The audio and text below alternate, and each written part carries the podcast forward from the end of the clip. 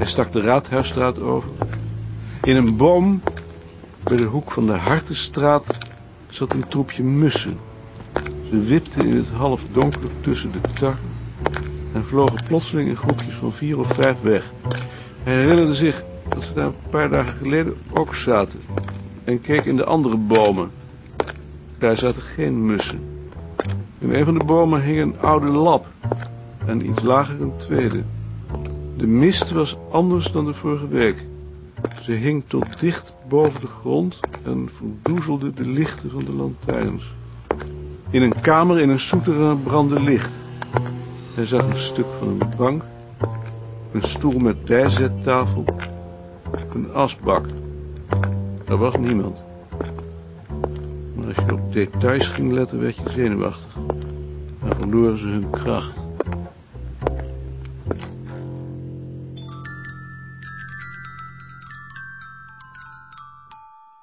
Heeft vijf stemmen. Alt, jij hebt er vier. Eve heeft er twee. Tjitske en Gert hebben ieder één stem. Dat zal Sien wel niet zo leuk vinden. Als je het mij vraagt, heeft Gert op zichzelf gestemd. Denk je? Het is zijn kruisje. Waar zie je dat dan aan? Als Gert een kruisje zet, verbindt hij de onderste twee poten. Dat doet niemand. Is dat zo?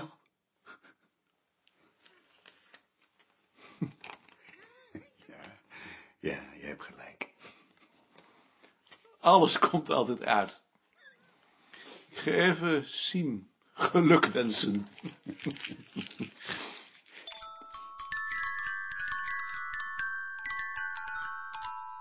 Jij bent door je collega's uitverkoren om hen te vertegenwoordigen in de instituutsraad. Nee.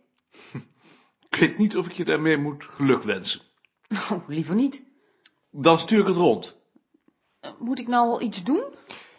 Ik zal tegen Balk zeggen en dan eh, wachten we maar af. Is de uitslag bekend? Sien heeft gewonnen. Hè? Op jou is één stem uitgebracht.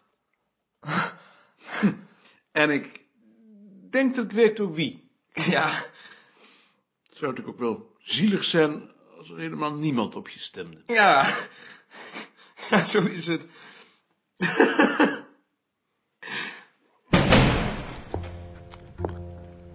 Vijf minuten te vroeg verliet hij het bureau. Zodra hij in het donker op straat liep, ademde hij wat vrijer.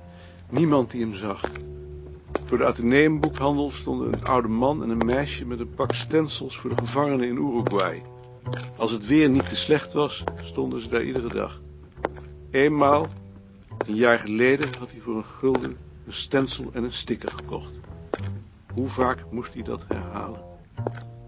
Elke keer als hij ze zag, schaamde hij zich en probeerde hij ze te ontwijken. De krant was er nog niet. Hij stak de voorbrug wel over, kocht hij in de Paleisstraat en liep toen voor het paleis langs terug naar de voorburgwal. Zelfs zo'n kleine variant had al de geur van avontuur. De deur van de drogist waar hij de vorige dag fix had gekocht stond open. De vrouw van de drogist kwam in haar blauwe stofjas juist van achteren aanlopen en keek hem recht in zijn gezicht. Maar gelukkig was hij nog geen klant die gegroet werd. De volgende keer, als hij nog eens fix had gekocht. Hoe komt dat nou, dat ik met niemand kan samenwerken? Ik had gedacht dat dat op Amnesty nou wel zou gaan, want dat zijn toch allemaal aardige mensen.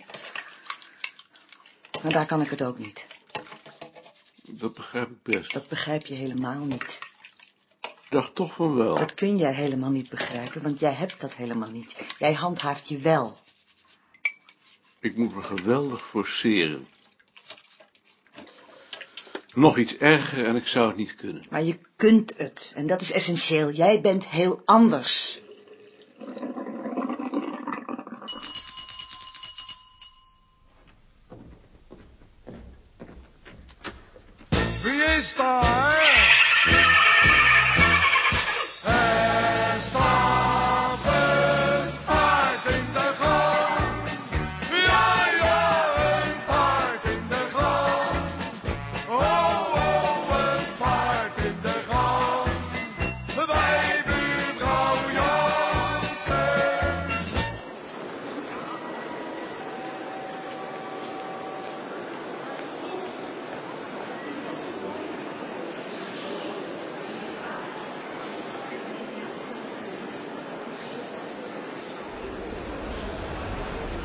Zo, dus je hebt het gevonden. Ik hoop dat je daar niet aan getwijfeld hebt. Gert, ben je zenuwachtig? Verschrikkelijk zenuwachtig. Ik denk dat ik maar weer terug ga. Om dat te voorkomen zijn wij meegegaan. Dat maakt het alleen maar erger. Kunnen jullie niet weer naar huis gaan? Rie ook. Nou, jij vooral natuurlijk. Ik zal je dat plezier niet doen. Hoe meer ik je dwars kan zitten, hoe liever.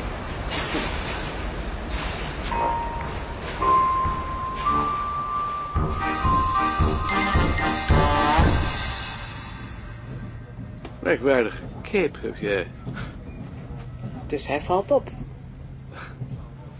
Toen mijn vader jong was, droegen ze zulke capes.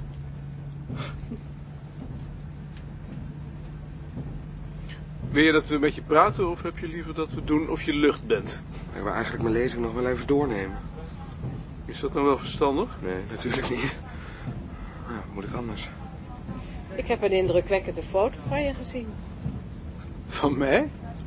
Bij dat artikel over die film. Oh, die. Al zo lang geleden. Hoed blijft op!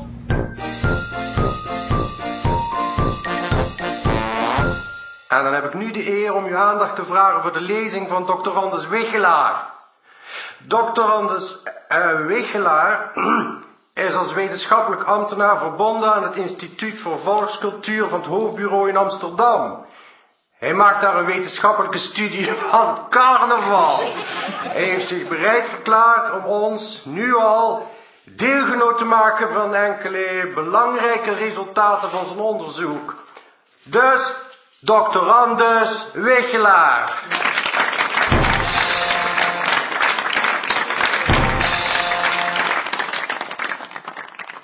Dames en heren.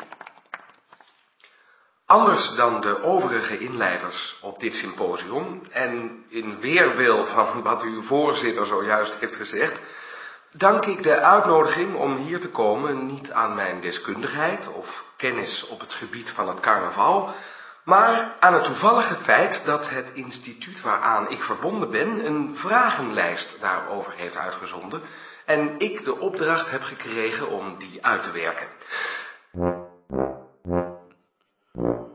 Zodra Gert begon te praten, wist hij dat het goed was. Het klonk gedistanceerd, vriendelijk, scherp en onmiskenbaar superieur. Het was duidelijk dat de situatie volledig meester was. Dat vervulde hem met een nauwelijks te beheersen vreugde, zoals een vader zich moet voelen wanneer hij zijn zoon voor het eerst in het openbaar succes ziet hebben. Tegelijk bracht het hem een grote innerlijke rust. Wat hij bij Bart, Ad of Sien nooit gevoeld had, voelde hij nu. Hier stond zijn opvolger. Nog een paar jaar en hij zou met een gerust geweten afscheid kunnen nemen. Dat besef was zo onverwacht en zo verwarrend dat het geluk niet op kon. Hij luisterde met een glimlach, zonder echt te luisteren, ten prooi aan stormachtige gevoelens, die nog het best getypeerd konden worden met de woorden ruimte en vrijheid. Dames en heren, ik dank u voor uw aandacht.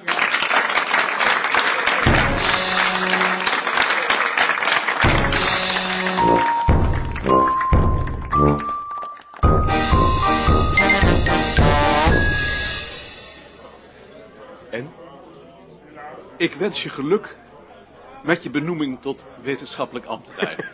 Dat heb ik echt zo niet opgegeven. Nee, maar ik vond het geweldig. De zaal lag aan je voeten. Nee, werkelijk? Menen jullie dat? Het was uitstekend. Gedistanceerd, vriendelijk, scherp, intelligent. Charmant. Ook de manier waarop je die stomme vragen beantwoordde, meesterlijk, superieur. Maar dat was een trucje, dat heb ik geleerd. Bij de Jezuïeten. Ja, dat is nog waar ook. Maar dat moet je ook nog kunnen gebruiken. Ik zag geïrriteerd zijn geweest. Wat heb je met die aantekeningen gedaan die je gemaakt hebt? Ik heb ze niet opgeschreven. Ik heb gedaan alsof. Prachtig. Wat ga je nu doen? Ik ben uitgenodigd. Voor diner. Wie? Dan gaan wij maar naar de trein. Gert, veel plezier en tot maandag. Tot maandag. Tot, tot maandag.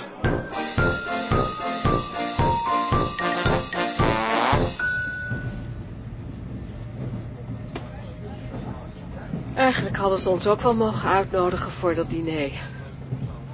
Die anderen zullen toch ook wel iemand bij zich hebben?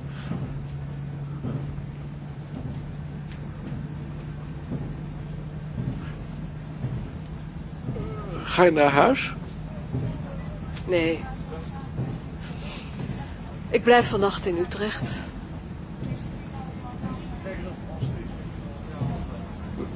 Wij vrienden. Zoiets.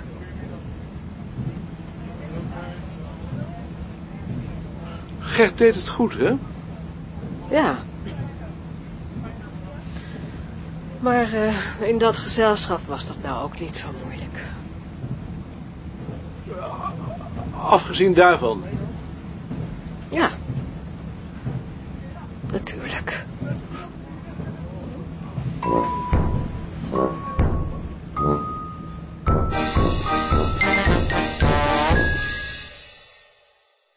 Zaterdag afgelopen? Afgezien, heel goed.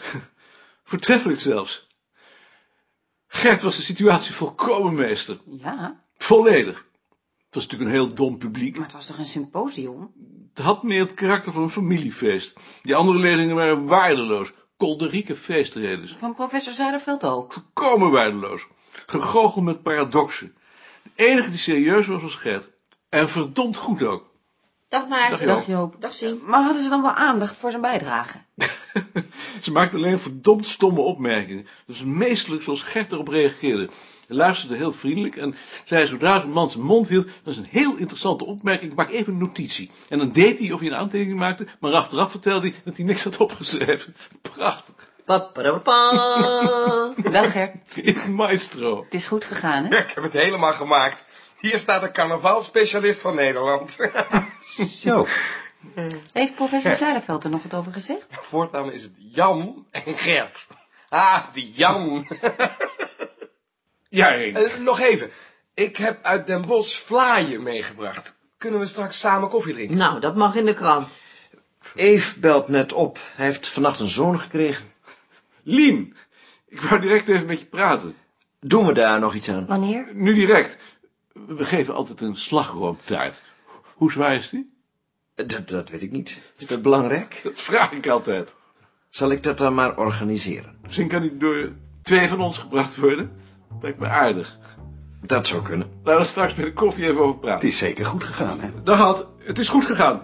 Ik praat nu even met Lien. Je hoort het straks wel.